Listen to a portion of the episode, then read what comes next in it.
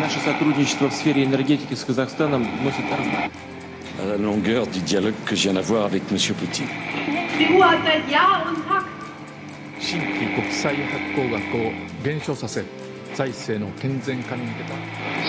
Del fascismo en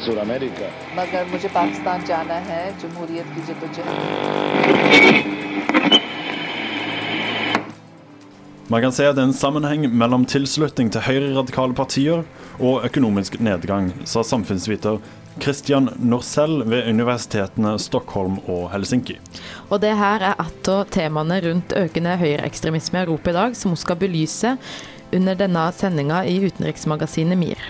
Og her i studio så sitter jeg, Hildegunn Marie Hånes Ruseth, sammen med Aslak Rødder, og det er oss som skal guide dere gjennom den sendinga her. Vi har bl.a. sett på situasjonen rundt innvandringsproblematikken i England og dannelsen til gruppa English Defence League. Islam as a religion is extreme.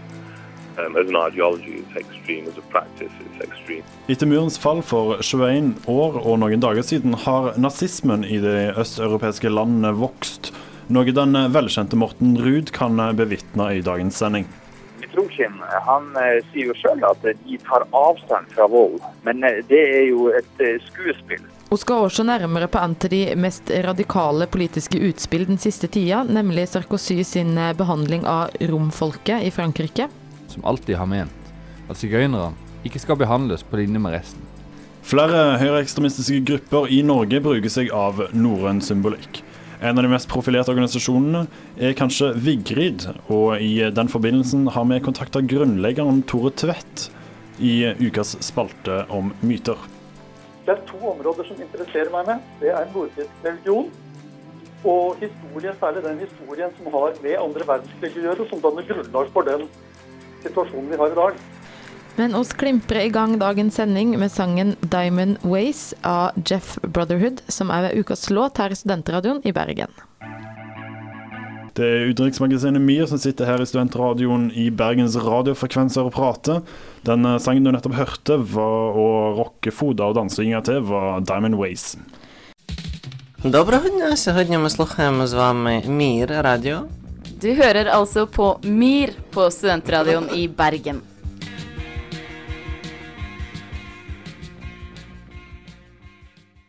I dagens sending så ønsker vi også å se på den politiske fløyen i Europa som strekker seg aller lengst til høyre. Det en gjerne kaller høyreekstremisme. Og Det første jeg tenker at vi burde gjøre da, er kanskje å definere dette begrepet høyreekstremisme. Har du eh, gjort deg noen tanker om eh, akkurat dette?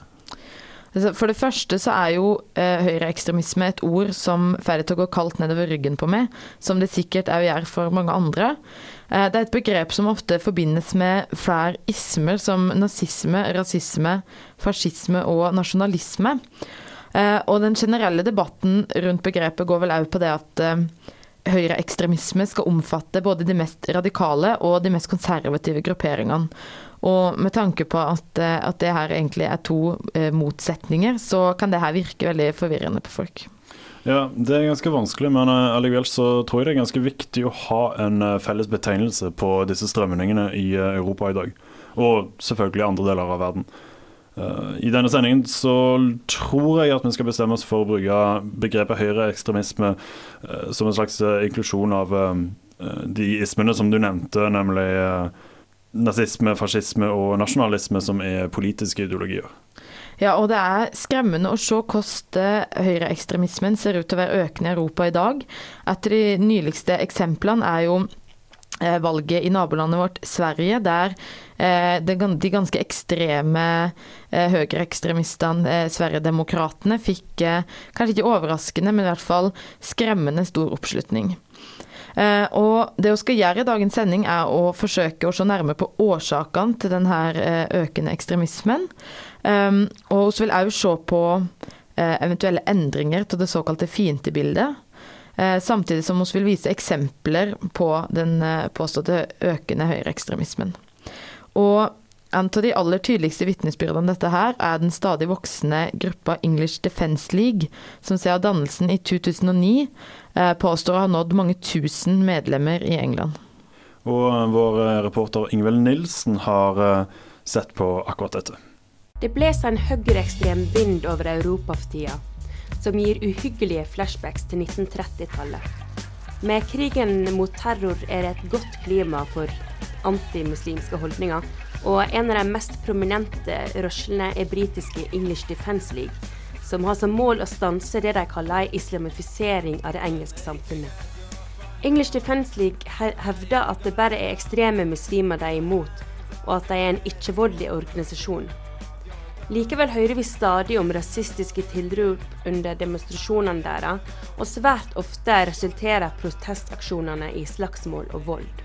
Jeg ville finne ut hvordan English Defence League sjøl ville portrettere seg, og jeg har derfor snakka med en av lederne i organisasjonen, Guramit Singh. The, Eng the English Defence League is a grassroots social movement that was started in response to um, the Muslim, the, the militant Muslims protesting against the homecoming parade in Luton uh, last March 2009. Um, in response to that, uh, we started a movement where we basically uh, march and we hold static demonstrations across the country um, to basically protest against Sharia law being introduced, to um, uh, support our troops that are abroad and that are here fighting for our freedoms and our human rights, and we protest against militant Islam and everything and everything else that basically is illegal against common law when it when it comes to Islam and Islamification of this country. Det hele starta altså som et svar på hendelsene da et knippe ekstreme islamister protesterte og til dels sjikanerte et opptog av heimkomne britiske soldater i mars i fjor. Dette var svært sårende og provoserende for mange briter, som mener de gjør det beste for å tjene landet i en vanskelig tid. Storbritannia var hardt råka av den økonomiske krisa og sliter fremdeles med å stable seg på beina igjen. I deler av den engelske arbeiderklassen har derfor frustrasjonen over arbeidsløse og kjensla av å ikke bli hørt nå bikka over i aggresjon som blir kanalisert til de muslimske lokalsamfunnene i Storbritannia. English League har vokst raskt, og i dag har de 40 000 tilhengere på Facebook. Men hva er det med denne budskapen som appellerer til så mange? We've grown rapidly because obviously the country into our cause. The people have seen the effects of Islamification. And uh, people are disgusted in the way that the Islamic community treats our soldiers when all our soldiers are doing is fighting for their human rights. And people have seen um, how um, how militant Islam can manifest in every in every single corner of the country and what effects it has on our communities. And it, and every single effect it does have is negative. There's never been anything positive come out of Islam, and, and I'm saying that not just now, but I'm saying that we've got 1,400 years of history to look at um, it's okay we saying we're against extreme Islam, but Islam as a religion is extreme. Um, as an ideology, it's extreme. As a practice, it's extreme. So you um, stating quite clearly that you're against all of Islam. It's not just extremists. Uh, well, the, the, the, English Defence League is against extreme Islam, but it's hard to interpret what is moderate and what is extreme in within Islam. I mean, I've read the Quran, I've studied the Hadith, the Surahs, and um, I've read, uh, and I've obviously I've read it from um, an Arabic interpretation, so I've got the most, uh, so I've got the most uh, literate and basically the most original interpretation of the Quran. And and there's about four to five, maybe top end six percent of love and tolerance actually in it, which is which I find like my God. So you do actually take a step back and then start um, calling the whole of Islam extreme. Den antifascistiske interessegruppa Unite Against Fascism er English Defence League sin argeste motstander. Nesten hver gang English Defence League har eh, opptog, er Unite Against Fascism på plass for å protestere. Simon Esses fra gruppa setter EDL i direkte sammenheng med tidligere fascistiske rørsler i Storbritannia. Han sier at EDL er sammensatt av de ulike fascistiske strømmene i det engelske samfunnet, og at disse har lengta etter en årsak til å ta til gatene igjen. I Muslimene har fascistene funnet ei gruppe og skylde for alt som er gale i det britiske samfunnet. DDL are essentially the English Defence League and its Scottish and Welsh variant are organised groups of racists who are coordinated by well-known Nazis from the British National Party and the National Front and various others, um, whose prime aim is to attack Muslims. So they target mosques, they target Muslim people, and so on. And they see their role as opening the way for a kind of wider attack on immigrants migrants, uh, people of color, minorities, and so on. Um, so it's an extraordinarily dangerous movement in terms of it comes into the streets uh, and seeks to uh, bring violence onto these communities. This is this is um, this is why we uh, oppose them utterly. For SS og Unite Against Fascism er EDL altså helt klart en svært voldelig og farlig gruppe. Men hva er EDL-ledelsen sin offisielle holdning til vold? Jeg spurte Gurumit Singh om de aksepterer vold for å fremme saka si. The English Defence League, uh, we have a saying basically saying we're here for peace, we're ready for war. Um, there's a lot of anger in our community, so when oppositions do come out and let's say they are to antagonise us or get into a fight with us, our, our, our members of our organisation, they will fight. They feel so strongly about it. But we don't condone violence on the public or non-enemies. You know what I mean? We don't, we don't condone that at all. We don't condone people going out and being violent towards the public or causing any trouble. I mean, we do attract unsavoury characters of the community. We understand that, and um, we're trying to deal with that as well. Uh, we do attract these people that are fascists, that are racist, that don't even have a clue what we're basically fighting against, just just jumping on the bandwagon for the hell of it.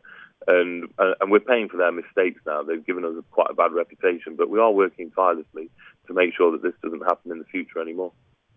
Um, so, would you consider like banning those uh, fascist people from your Oh, party? one hundred percent. We do all the time. I, i- if we if we see any hint of racism in any of our members, we ban them straight away. Uh, and it's quite hard because we don't have really a, a proper membership scheme um, in place at the moment. We, it's quite hard to vet every single person. The English Defence is just an open organisation; everybody can join, and it's kind of been like the way it's been is like when somebody makes a mistake or we find out that maybe they are racist or they're not they're not sincere to our cause or they are going to have a negative effect on our organisation. That's when we do ban them. Singh innrømmer med andre ord at EDL lett tiltrekker seg voldelige rasister og fascister.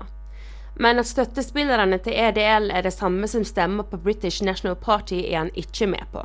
Yesterday, I spoke to a spokesman from um, Unite Against Fascism, and he said that EDL supporters and BNP supporters basically are more or less of the same group of people. Is is that really the case? And and then Hank, how can you claim to be non-racist if But, but we have nothing to do with the British National Party. I mean, I'm the spokesperson. I'm at the top of the ladder. I organise the events for the English Defence League. I'm a Sikh as well. We have nothing to do with the British National Party. What you have to understand is the United Against Fascism organisation is built on lies and deceit. And uh, these basically the lies and deceit that they're that, that they're labelling with us, just so they can get public support, so they can raise finances. I mean, their members are just a load of middle class non Muslims who think it's fashionable to march and oppose any other organisation that starts in this country. I quite clearly stated in my Bolton speech uh, earlier on this year that we do not accept fascist, racist members of the British National Party or any other political social movement there is in this country or from around the world. And that's our stance on the British National Party, and it always will be. Selv om Singh nekter hardnakka for sammenheng mellom English Defence League og British National Party, har slike linker blitt avslørt flere ganger.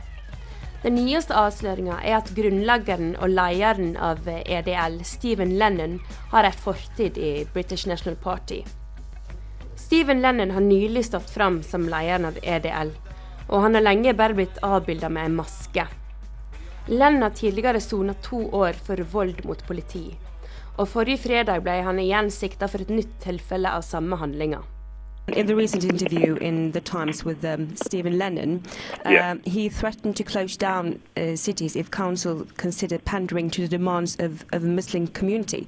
Um, Yeah. What does he refer to by pandering? Oh, but, oh, well, basically, we, we find we find that members of the Islamic community are appeased so much, appeased than anybody else in this country. I mean, it is true. Uh, members of the Islamic community do do cry out for uh, special rights. Uh, we see that we see that on a daily basis, and we believe that the Islamic community do get appeased. They do get they do get that special right. I mean, it's hard. I mean, when, every single time we demonstrate against militant Islam, the first thing the whole Islamic community do is stand up and call, and play the racism card. We're not racist, we're, and we're against militants. You should be against militants in your own communities as well. So what he's basically meaning by that is that we feel that the government appease uh, Muslims in this country. Now, I'm a Sikh. Um, uh, my mum and dad uh, Sikh immigrants from Punjab. I don't ask for special rights. I just want to be treated the same. But we feel the Islamic community do cry out for special rights. Videre forklarer Singh at dersom regjeringa ikke slutter å gi særbehandling til muslimer, vil EDL fortsette å protestere og ta over byer. If you've ever been to a English Defence demonstration before, I mean, I organise them. We're taking four to five thousand people now, and it does close down the city. Uh, when we go to city centres, the, the, the, the police and the council do practically have to shut down the city, uh, all the shops, everything like that. And that's what we'll keep on doing until the government starts hearing our message. I mean, our, our, our, message, our main message is out to the government, and it's for them to start doing something. English Defence League mener altså at i England er kravstore, og at de får særbehandling av staten. Samtidig som de er imot islam som religion, og mener at de må være ekstrem bare for å være muslim. Likevel nekter de for at de har rasistiske holdninger eller at de er voldelige. Men framfaren deres taler vel egentlig for seg sjøl. Singh sier de prøver å renske ut fascister og rasister fra gruppa. Men spørsmålet er hvor mange de da vil stå igjen med. Jeg avslutter med et klipp fra en tale Gurumit Singh holdt ved en demonstrasjon tidligere i år, som unektelig må kalles rasistisk. God bless every single person in this country of all religions, creeds, and cultures. And you know what? Even God bless the Muslims. They'll need it for when they're burning in fucking hell.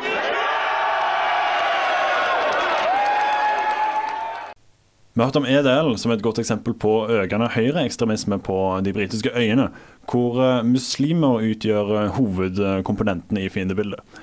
Og eh, det her med fiendebildet vil vi komme nærmere inn på sendingen senere òg. Men uh, akkurat nå så lurer jeg på om vi har kommet til det punktet i sendingen hvor uh, vi kanskje skal spørre oss uh, hvorfor en sånn entusiasme for ekstremismen har klart å få en så stor bastion i Vesten. Og da er det jo som allerede nevnt, en av faktorene som gjerne tas opp i lyset, er økonomi, og da spesielt økonomisk nedgang. Og det har faktisk fra flere hold blitt dratt linjer mellom tida etter første verdenskrig og opptakten til andre verdenskrig. Eh, og den økonomiske krisa som oppstod da, eh, og den eh, finanskrisa vi akkurat har hatt nå, som, start, som en mener startet i 2007 og varte fram til 2010. Um, mellomkrigstida så hadde vi The Great Depression, som starta i 1929 i USA, men som spredte seg veldig raskt til hele verden. Uh, og denne økonomiske nedgangen mener de har skapt et, et klima der eh, høyreekstremismen, som eh, fikk sitt utløp i andre verdenskrig, eh, kunne vokse. Og et lignende klima mener eksperter nå eh, kan ha oppstått under det vi kaller da, finanskrisa. Og selve tanken om hvordan dette foregår, er vel litt enkelt, og det kan være at eksemplifisere den bitte litt, men under uh, slike økonomiske nedganger så er det normalt å miste jobber. Og dette er jo rett og slett fordi bedrifter ikke har muligheten til å lønne arbeiderne sine. Så de leter etter billig arbeidskraft, som gjerne da kan være arbeidsmigranter, eh, mennesker fra andre land. Og for eh, borgerne av et land så kan det da virke som om disse stjeler jobber. Eh, de får derfor en felles fiende og retter et generelt misnøye mot. Uh, dette har uh, kanskje spesielt økt i uh, de siste årene, ettersom det har blitt enklere å bevege seg innenfor over landegrenser innenfor EU, som gjør arbeidsmigrering enda enklere enn før. Og det en òg kan se i økonomiske nedgangstider, er at det blir økt korrupsjon i, blant ledelsen av et land. Um, og denne kampen mot korrupsjon det viser seg å bli ganske lett valgflesk for høyreekstremistiske partier.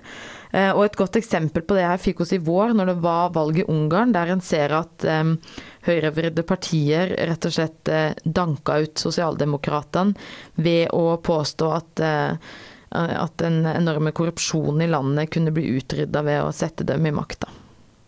Men uh, før vi går videre med å eh, eksemplifisere akkurat denne situasjonen, så skal vi kaste oss over på en uh, ny sang, nemlig 'Ost og kjeks' fra albumet uh, Astronaut Crot, som er ukas album her i Studentradioen i Bergen. Og det er av bandet Hypertext.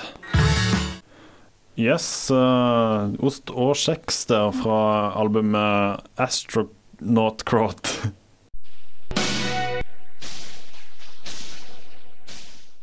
Jeg heter Bjørn Hansen, og jeg er en av lytterne på utenriksprogrammet NIR i Studentradioen i Bergen.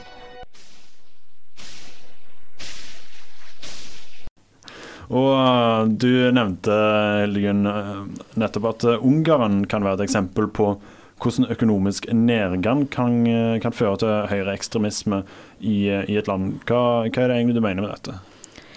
Eh, når jeg nevner Ungarn som et eksempel, så er det jo fordi at eh, det høyrevridde partiet Fides fikk over 50% av stemmene under valget i Ungarn i vår.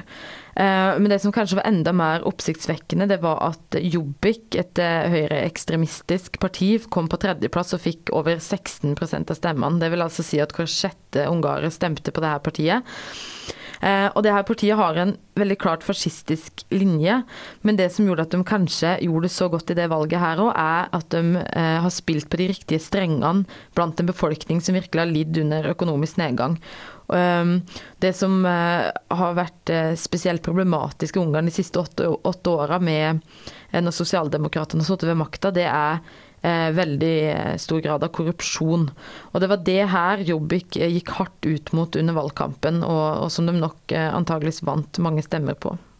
Og akkurat dette utdypte jo òg Steinfeld i Urix i april under valget i Ungarn hvor han òg eh, gikk så langt som å si at sosialdemokratene faktisk ble, ble straffa hardt pga. økonomisk innstramning og stor korrupsjon i eh, nasjonalforsamlingen. Ja, og Det Steinfeld òg nevnte etter han hadde vært observert valget i Ungarn, var at han mente at det her kanskje kunne komme til å forverre Ungarn sitt forhold til Russland. Eh, men stemmer det ikke Aslak, at i Russland så har de høyreekstremistiske gruppene egentlig ikke så dårlige kår sammenlignet med andre politiske grupperinger? Jo, eh, underlig nok så, så, kan man faktisk si at eh, noen av de politiske gruppene har problemer med å møtes i stort antall og utføre vellykka demonstrasjoner og lignende. Men uh, nynazister forskjellsbehandles tydeligvis, fordi de klarer nettopp det å møtes i stort antall. Og de klarer nettopp det å utføre store demonstrasjoner uten problemer. Det, det, virker nesten som om eh, de ikke er et offer for den samme sensuren, og, og får lov til å gjøre, i en viss grad selvfølgelig, det som de har lyst til å gjøre. Og, og dette er kanskje grunnen til at uh, eh, ca. halvparten av verdens uh, nynazister finnes i Russland. Ja, og en eh, profilert høyreekstremistisk gruppe med utspring i nettopp Russland, det er Slavisk Union. Eh, og den gruppa her har vår reporter Kristina Simmer sett nærmere på. I den forbindelse så har hun intervjua Morten Ruud, som er tidligere utenrikskorrespondent for NRK i Moskva. Hill mitt folk. Død over de ekle utskuddene. Heil Hitler. Unge russiske gutter og jenter står oppstilt langs veggen. Bak de henger et flagg avbilda Solkorset. Vi ser skitne kniver, kutt og sår.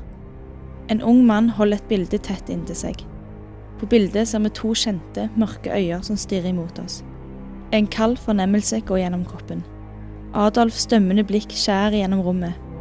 Vi befinner oss i Russland, hos en av de mest beryktede nasjonalsosialistiske gruppene i verden. Vi befinner oss hos Den slaviske union. Den slaviske union er en høyreekstremistisk gruppe i Russland som lever og ånder for et rent Russland. Et Russland bygget på Hitlers ideologi. I løpet av de siste tre årene er 286 fremmedarbeidere drept i Russland, og 788 skadet i rasistisk motiverte overfall. Dette er ifølge NRKs tidligere Moskva-korrespondent Morten Ruud. De har eh, en ideologi som har veldig nær tilknytning til eh, tidligere nazisme. De har også et symbol som er veldig likt tidligere nazisymbolet. Slik at eh, de har på en måte alle tegnene på eh, den nazistiske storheten, som de da har eh, kobla med en slags slavisk storhet og slavisk enhet. Over halvparten av verdens nazister befinner seg i Russland. Leder for Den slaviske union, Dmitrij Dumushkin, hevder at 60% av Russlands befolkning støtter gruppas mål. Den nye generasjonen russere er nasjonalister, påstår han. Det er gjort eh, en god del sosiologiske undersøkelser på akkurat dette temaet her. Og eh, veldig mange av dem gir ganske klar pekepinn på at rundt en tredjedel av den russiske befolkninga synes at det de står for er ganske greit, uten at de dermed fremstår som om de er sympatisører med Slavisk union. Men altså, det betyr at det, ideene til Slavisk union og det de står for, har god klangbunn i rundt en tredjedel av den russiske befolkning. Det er høyt. Det er langt høyere enn du har ellers i, i Europa. Når man tenker på den store oppslutningen til høyreekstremistiske grupper i Russland, begynner man å leke med tanken. Hva om et nasjonalsosialistisk storparti blir en realitet i Russland? Det har tidligere foregått en slags flørt mellom den russiske regjeringen og grupper som Den slaviske union og deres nasjonalsosialisme. Nå slår russiske myndigheter ned på disse gruppene, da de fremstår som en trussel for samholdet i landet. Vi kan ikke ha et land hvor, hvor befolkninga er i krig med hverandre. Det går ikke an, det. Så det har vært en balansegang mellom det å på en måte gjenreise nasjonen Russland og gjenreise stoltheten over det å være russisk. Uh, og det også å være inkluderende. Altså I Russland så finnes det jo over 140 forskjellige språk og tilsvarende like mange kulturer. Og det er klart at Hvis ikke det landet klarer å på en måte samle de kulturene og de nasjonene som er innenfor den russiske føderasjonen, ja, så er det jo ikke grunnlag for det landet som er i dag. Og Det er klart at det, det er det som er den store og avgjørende uh, tanken til tross for myndighetenes arbeid for å dempe Den slaviske union, hører man en del om de i Russlands gater. Demonstrasjoner, kamprop og ungdomsgrupper herjer gatene. 30. oktober var noe som kalles Folkets enhetsdag, som er en erstatning for revolusjonsdagen den 7. november, som nå er avvikla som en offentlig fridag og feiringsdag. Folkets enhetsdag skal ideologisk samle folk i Russland, men lokke i høy grad til seg høyreekstremistiske grupper. De som jo har grepet denne dagen begjærlig, det er nettopp folk fra, fra Slavisk union. Altså hele eh, den ekstreme høyresida i Russland har, eh, har, tatt den dagen til sin bryst. Bryst og, og, demonstrerer og sørger for å ha de absolutt største demonstrasjonene. Nå har de jo også da i, i fra, fra offentlig uh, side også da begynt å, å, å nærmest kommandere ut eh, sine ungdomstropper og sånne ting, slik at de får til eh, offentlige demonstrasjoner. Men de som på en måte har greid å samle seg uten å være offentlig, det er nettopp høyresida. Og de demonstrerer på denne dagen, og da snakker de om å, å lempe ut alle som ikke er som russere, og som ikke er ortodokse og som ikke snakker russisk godt nok, og osv. Og, så videre, og, og, og Russland og Moskva for, for russere av Moskva. Så at Ja. Denne dagen, som altså bare var for et par uker siden, det er også en sånn manifestasjon for, for alle som er på den ytre høyresida. I forbindelse med disse demonstrasjonene kobles Den slaviske union til grupper som utøver sin ideologi til det ekstreme. Personer med asiatisk bakgrunn trues på livet, knivstikkes og bankes opp til det ugjenkjennelige. Ifølge Den slaviske union sjøl oppfordrer de ikke til vold blant sine medlemmer. Morten Ruud derimot har en annen historie å fortelle. Trokhin han eh, sier jo sjøl at de tar avstand fra vold, men eh, det er jo et eh, skuespill som han holder på med. fordi at beviselig så er jo de aller fleste dommene som er, er, avsatt mot folk som har begått vold mot eh, fremmed, altså mot innvandrere, det er folk som kommer fra nettopp Slavisk union. At det kan de ikke springe fra. Selv om han da prøver å, å, å pynte på det med å si at eh, de tar avstand fra det. Samtidig så driver de og trener på det. De driver og trener på hvordan de skal kutte strupen på folk på en mest mulig effektiv måte. Det har jeg sjøl vært med på og sett, og også vært eh, stilt opp på den som en, nærmest en slags eh, prøvedukke for å, for å der, der var der og, og laga en reportasje om det. Slik at disse folkene de er blodig seriøse på at de ønsker å, å renske Russland for eh, fremmede folk. Ja, der hørte dere Kristina Simmer som intervjua Morten Ruud, tidligere utenrikskorrespondent for NRK i Moskva. Um, og nå har vi også vært innom både Russland og England, Aslak, men det fins jo òg høyreekstremisme i Norge. Ja, og et av de mest kjente er kanskje Vigrid. Og vår medarbeider Solveig Sæter har intervjua grunnleggeren Tore Tvedt i dag, og, og spurt han om livssynet i hennes spalte som handler om myter. Og Vi skal derfor få se et nærmere blikk på den norrøne mytologien og dens bruk i moderne samfunn.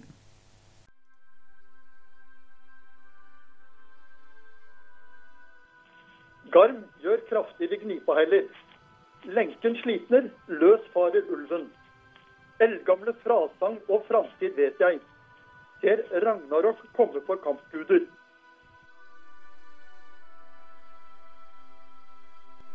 Norrøn mytologi er en av de mytene vi i dag kjenner best til. Odin, Tore Frøya er navn vi alle har hørt før. Hvordan blir egentlig denne religionen praktisert i dagens samfunn? Innledningsvis så hørte du Tore Tvedt lese verset 44 fra Våløvspå. Han er grunnleggeren av organisasjonen Vigrid. Hva mener han at disse ordene her betyr? Litt enkelt fortalt så er det begrepet det er komme av Ragnarok. Og Ragnarok det er hva denne sluttkampen mellom de, de lyse og mørke kreftene er, kalles. Og den holdes da på et sted som heter Vigrid, eller Vigridvollen. Det er godt kjent at Vigrid ligger på høyresida politisk sett. Tvedt snakker her om en kamp, Ragnarok, som er mellom de lyse og de mørke kreftene i verden. Dette kan forstås som ulike raser, noe som bringer oss til raselæra til Vigrid. Det er kanskje dette organisasjonen er mest kjent for, og kanskje også årsaken til at de blir stempla som nynazister. Det er to områder som interesserer meg med. Det er nordisk religion og historie, særlig den historien som har med andre verdenskrig å gjøre, som danner grunnlag for den situasjonen vi har i dag. Ja, Den politiske meningen er jo for meg kun én, og det er formålsparagrafen vår. At jeg vil bygge et nordisk samfunn for nordiske folk basert på nordisk religion, moral og kultur. Så i vårt blod så ligger en oppfatning av samfunn. Det ligger en oppfatning av hvordan universet er ordnet, og vår plass i det. Og en del av det kalles for religion. Og for meg er det da noe som ligger i blodet mitt. Tore Tvedt sier her at oppfatningene og trua hans ligger i det nordiske blodet. Det finnes forskjellige seremonier en kan gå gjennom for å vise til seg sjøl og til andre at en er enig. Tore Tvedt har laga disse. For at eh, folk skal kjenne dem igjen, har han valgt å bruke de samme navnene som ble brukt i kristendommen. Barnedåp, konfirmasjon og vielse. Det er bare volver, altså kvinner, og goder, altså menn, som kan gjennomføre disse seremoniene. For å bli ei volve eller en gode må en gjennom en egen seremoni. I de ulike seremoniene blir det brukt flere norrøne symbol. Vi bruker norrøne navn. Odin, Thor, Frøya. Vi bruker norrøne tekster, sånn som de versene jeg leste her fra Vålesbå. Jeg bruker torshammer å, som symbol, makt- og kraftsymbol. Og vi viser til uh, Vi har, holder særlig dåpsseremonien. Det, det, er noe som heter at man blir døpt mellom is, eller vårt folk utviklet seg mellom varmen fra Muspelheim og Nivelheim. Så den holder vi i en fakkelring med is imellom. Så egentlig er alt lagt opp som nordiske referanser. Hva som er det sentrale i den norrøne mytologien, får du vite gjennom Edda-dikta. Her står det om skapelse, om guder og om viktige hendelser. Dette er eh, skrevet ned i middelalderen av kristne prester, og er ifølge Tvedt preget av dette. Derfor er det litt vrient å vite i hvor stor grad en skal se på dem. Likevel kan en eh, til en viss grad eh, bruke dette i religionen. Disse eddaversene er en blanding av det vi kaller religiøse forestillinger og historiske gjenfortellinger. Og alt sammen er rørt sammen og, og fått en form for mytefasong. Det er en blanding av forestillinger om skapelse og om moralske forhold og du kan si ikke-konkrete forhold. Men det, dette er innvevet i, i, kan du si, helt klart historiske tekster. Hvor Odin beskrives eh, både som en som er i Valhall, altså en eller annen tenkt sted si, oppe i en himmel, Men samtidig beskrives han som en jordisk kriger og omtales som reidgot. Og altså en, en rytter, en gotisk rytterhøvding. På slutten her så hørte vi hvordan Odin blir beskrevet i Eddadikta. Hvordan er egentlig gudsbegrepet i den norrøne mytologien? Det viktigste for Vigri er Odin, Thor og Frøya. Alle tre blir sett på som guder og gudinner. Men hva er det egentlig som blir dyrka i disse gudene? Frøya er ikke noe annet enn et samlebegrep for nordiske kvinner. Akkurat som jeg er en mann. Man dyrket mann som begrep for, for kan du si, nordisk maskulin kjønnskraft, og Frøya da for det motsatte. Frøya, Å dyrke Frøya er å dyrke en kvinnens fruktbarhet. Å dyrke Thors makt og kraft med hammer og og, og, alt dette kraft og, og vinne og seier, det er jo å dyrke maskuline egenskaper, egentlig.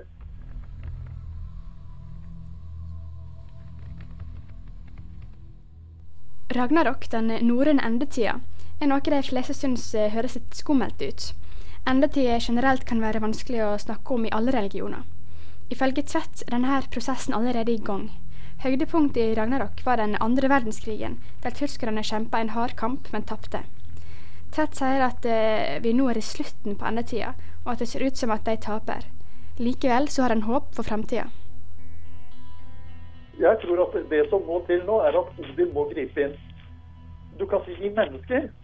Jeg er menneske. vi, vi har egentlig tapt denne jordiske kampen på vårt nivå og med de kreftene vi har. Den tapte vi i 1945.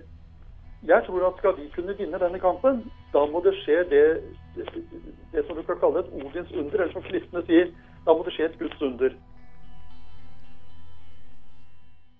Som vi hører, er altså trua på de norrøne gudene fremdeles eksisterende i det nordiske samfunnet. Kanskje spesielt i det vi i dag kaller nynazismen. Likevel så er det ikke alle nynazistorganisasjoner som er knytt til denne her religionen. Det er de politiske meningene som står i sentrum. Kampen mot raseblanding og innvandring er hjertesakene deres. For Vigri, som i tillegg til å være en politisk organisasjon og en religiøs organisasjon, er den norrøne mytologien en viktig kilde for deres politiske meninger.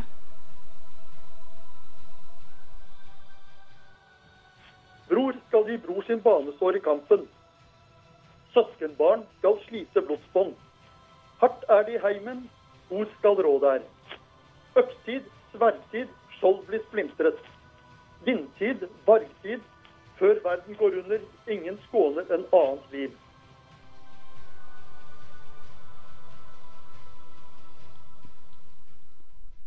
Du hører altså på Studentradioen i Bergen og utenriksmagasinet MIR. Eh, før den sangen her, som var 'So Much In The Dark' av Pretty Lights, så hørte du Solveig Sæther intervjue Tore Tvedt om hans livssyn. Eh, og det er altså eh, høyreekstremisme i Europa som er tema for dagens sending. Og uh, Nå har vi allerede sett på grupper som omtales som fascister og nazister, samt sett nærmere på EDL, som er en erklært anti-islamistgruppe. Men hvordan fremstår fiendebildet for høyreekstremistene i dag, tror du, Hildegunn? Altså, det er vel stort sett de samme gruppene folk som er utsatt for høyreekstremisme i, i, Europa i dag, som det har vært eh, tilbake i historien. Det er i stor grad jødiske grupper og romfolket og andre nomadiske grupper i Europa. Men det som kanskje kan sies å være nytt, det er den økende anti-islamismen, eller islamofobien, som det òg kan kalles. Og jeg må innrømme at jeg syns det er underlig med ordet antisemittisme, siden eh, alle de abrahaminske religioner, altså kristendom, islam og jødedommen, kan vel egentlig beregnes som eh, semittiske.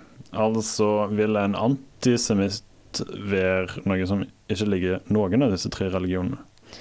Men, og det er jo nettopp den her eh, eh blandinga av etniske betegnelser og religiøse betegnelser som Eh, kan bidra til at det er vanskelig å orientere seg i det høyreekstremistiske landskapet, for å si det sånn. Um, og han har jo òg eksempler på uh, nynazistiske grupper som støtter uh, sterkt opp rundt uh, dannelsen av en palestinsk stat, fordi at de mener at det her skal bidra til å svekke jødene sin rolle i verden i dag, samtidig som du har høyreekstremistiske grupper som har lyst til å eh, angripe arabiske mennesker og eh, muslimske mennesker. Så, eh, så, det er ikke så lett å orientere seg når en skal eh, identifisere de forskjellige fraksjonene i det høyreekstremistiske miljøet. Nei, men eh, det som kanskje er litt lettere, er å identifisere slike ek ekstreme handlinger. Og det ser òg ut til at mer moderate politikere i Europa kommer med uttalelser og politiske vedtak som gir vel som sagt ild i tørt gress hos de høyreekstremistiske gruppene. Av hendelser i Europa så er det vel Sarkozy sitt utspill mot landets rombefolkning som er et av de mer ekstreme. Ja, og nettopp det her vil vår reporter Fredrik Sagerfoss utdype for oss. L'Europe ne peut pas fermer les yeux sur l'existence des camps illégaux. Et de ce point de vue, la totalité de mes collègues du Conseil européen partagent cette analyse. Da Nicolas Sarkozy vedtok å ødelegge over 200 sigøynerleirer, vakte dette oppstyr både innafor og utafor landets grenser.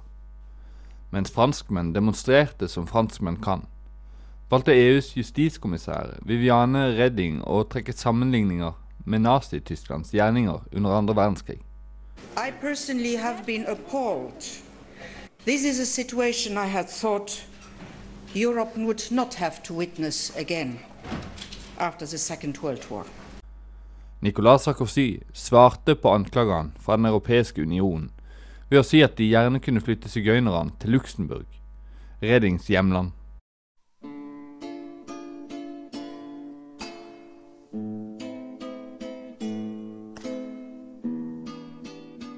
Slike uttalelser fra Vesten er som manna fra himmelen for østeuropeisk nasjonalisme. Sigøynerne, eller romani-folket, har vært mål for høyreekstreme partier i østeuropeiske land, der det i lang tid har befunnet seg store mengder. Og når vestlige land nå gir uttrykk for at romani nå skal behandles ulikt andre folkegrupper innad i EU, gir dette blod på tannen til høyreekstreme som alltid har ment at sigøynerne ikke skal behandles på linje med resten. De er undermennesker som ikke hører til her i landet. Ikke i noe annet land heller, for så vidt. Tiltaket har også høsta stort bifall bl.a. i Italia, et land kjent for sin harde linje mot romanifolket. I et land der mange av ministrene og borgermesterne har en fortid som nyfascister, blir sigøynerne sett på som rettmessige borgere av landet. De er mørke i huden. De er ikke europeere som oss, uttalte Milanos viseborgermester Ricardo de Corato om offer han ikke ønska en eneste sigøynerleir i Milano.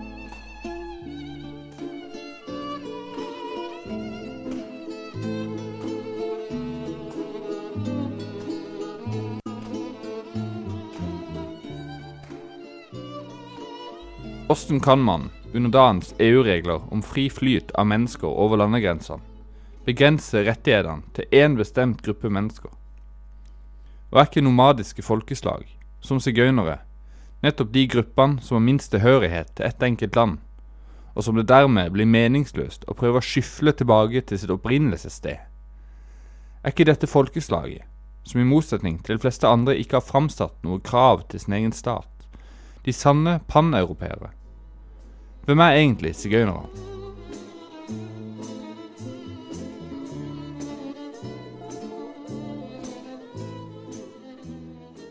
Den generelle oppfattelsen blant folk er at sigøynerne hovedsakelig hører til i Romania, og det er der det også finnes flest av de. De kom fra India på tusentallet og slo seg ned vest for Svartehavet, i det som i dag er Romania, Bulgaria, Serbia, Makedonia og Ungarn.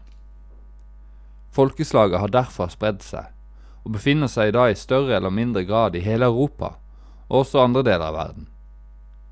Folkegruppen er karakterisert ved at de gjerne bor sammen i store leirer, og at de ikke holder seg på samme sted over lang tid. Dette er ikke kompatibelt med statlige regler om faste adresser, jevnlig skolegang og skattbar inntekt. Det vi ser er rett og slett en livsstil som står i steil konflikt med statlige retningslinjer om åssen man skal leve. Og denne konflikten har eksistert i århundrer.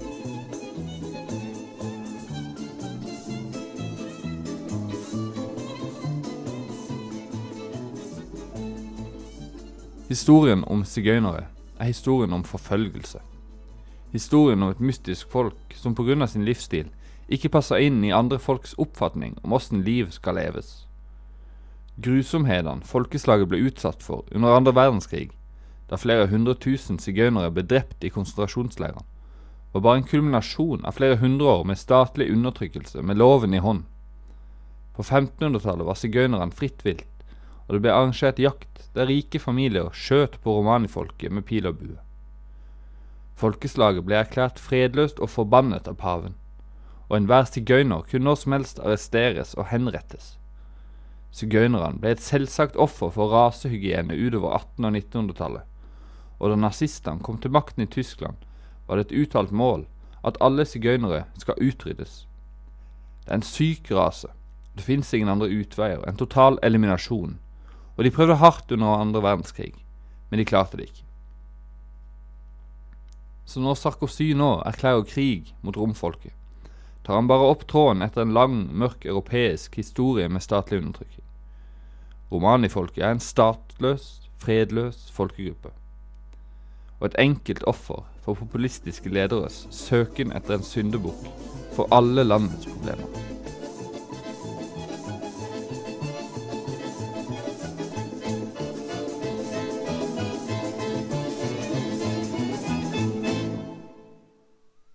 Det var altså Fredrik Sagafoss som så på romfolket sin rolle i Europa i lys av den økende høyreekstremistiske opprustninga i Europa i dag. Og det er det denne ukas sending har handla om eh, her i utenriksmagasinet MIR. Vi har belyst ulike høyreekstremistiske grupper i Europa i dag. Annet har vi sett nærmere på English Defence League. Og ikke minst den nazistiske slaviske unionen i eh, Russland med et eh, påfølg av uh, Tore Tvedt og hans uh, norrøne syn på livet. Og til slutt i sendingen så har vi, som Hildegunn nettopp sa, sett på romfolkets behandling i Europa. I dagens sending så er det Hildegunn Maria Hånes Ruseth som har sittet i studio sammen med Aslak Rødder. Og produsent for dagens sending har vært Kristoffer Monsen.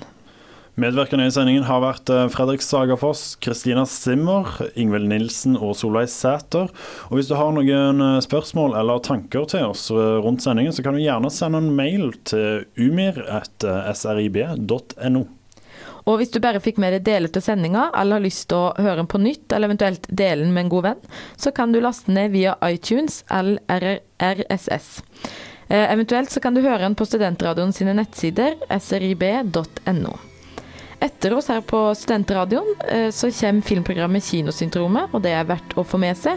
Og du må òg huske å høre på utenriksmagasinet MIR neste torsdag. Ha det bra.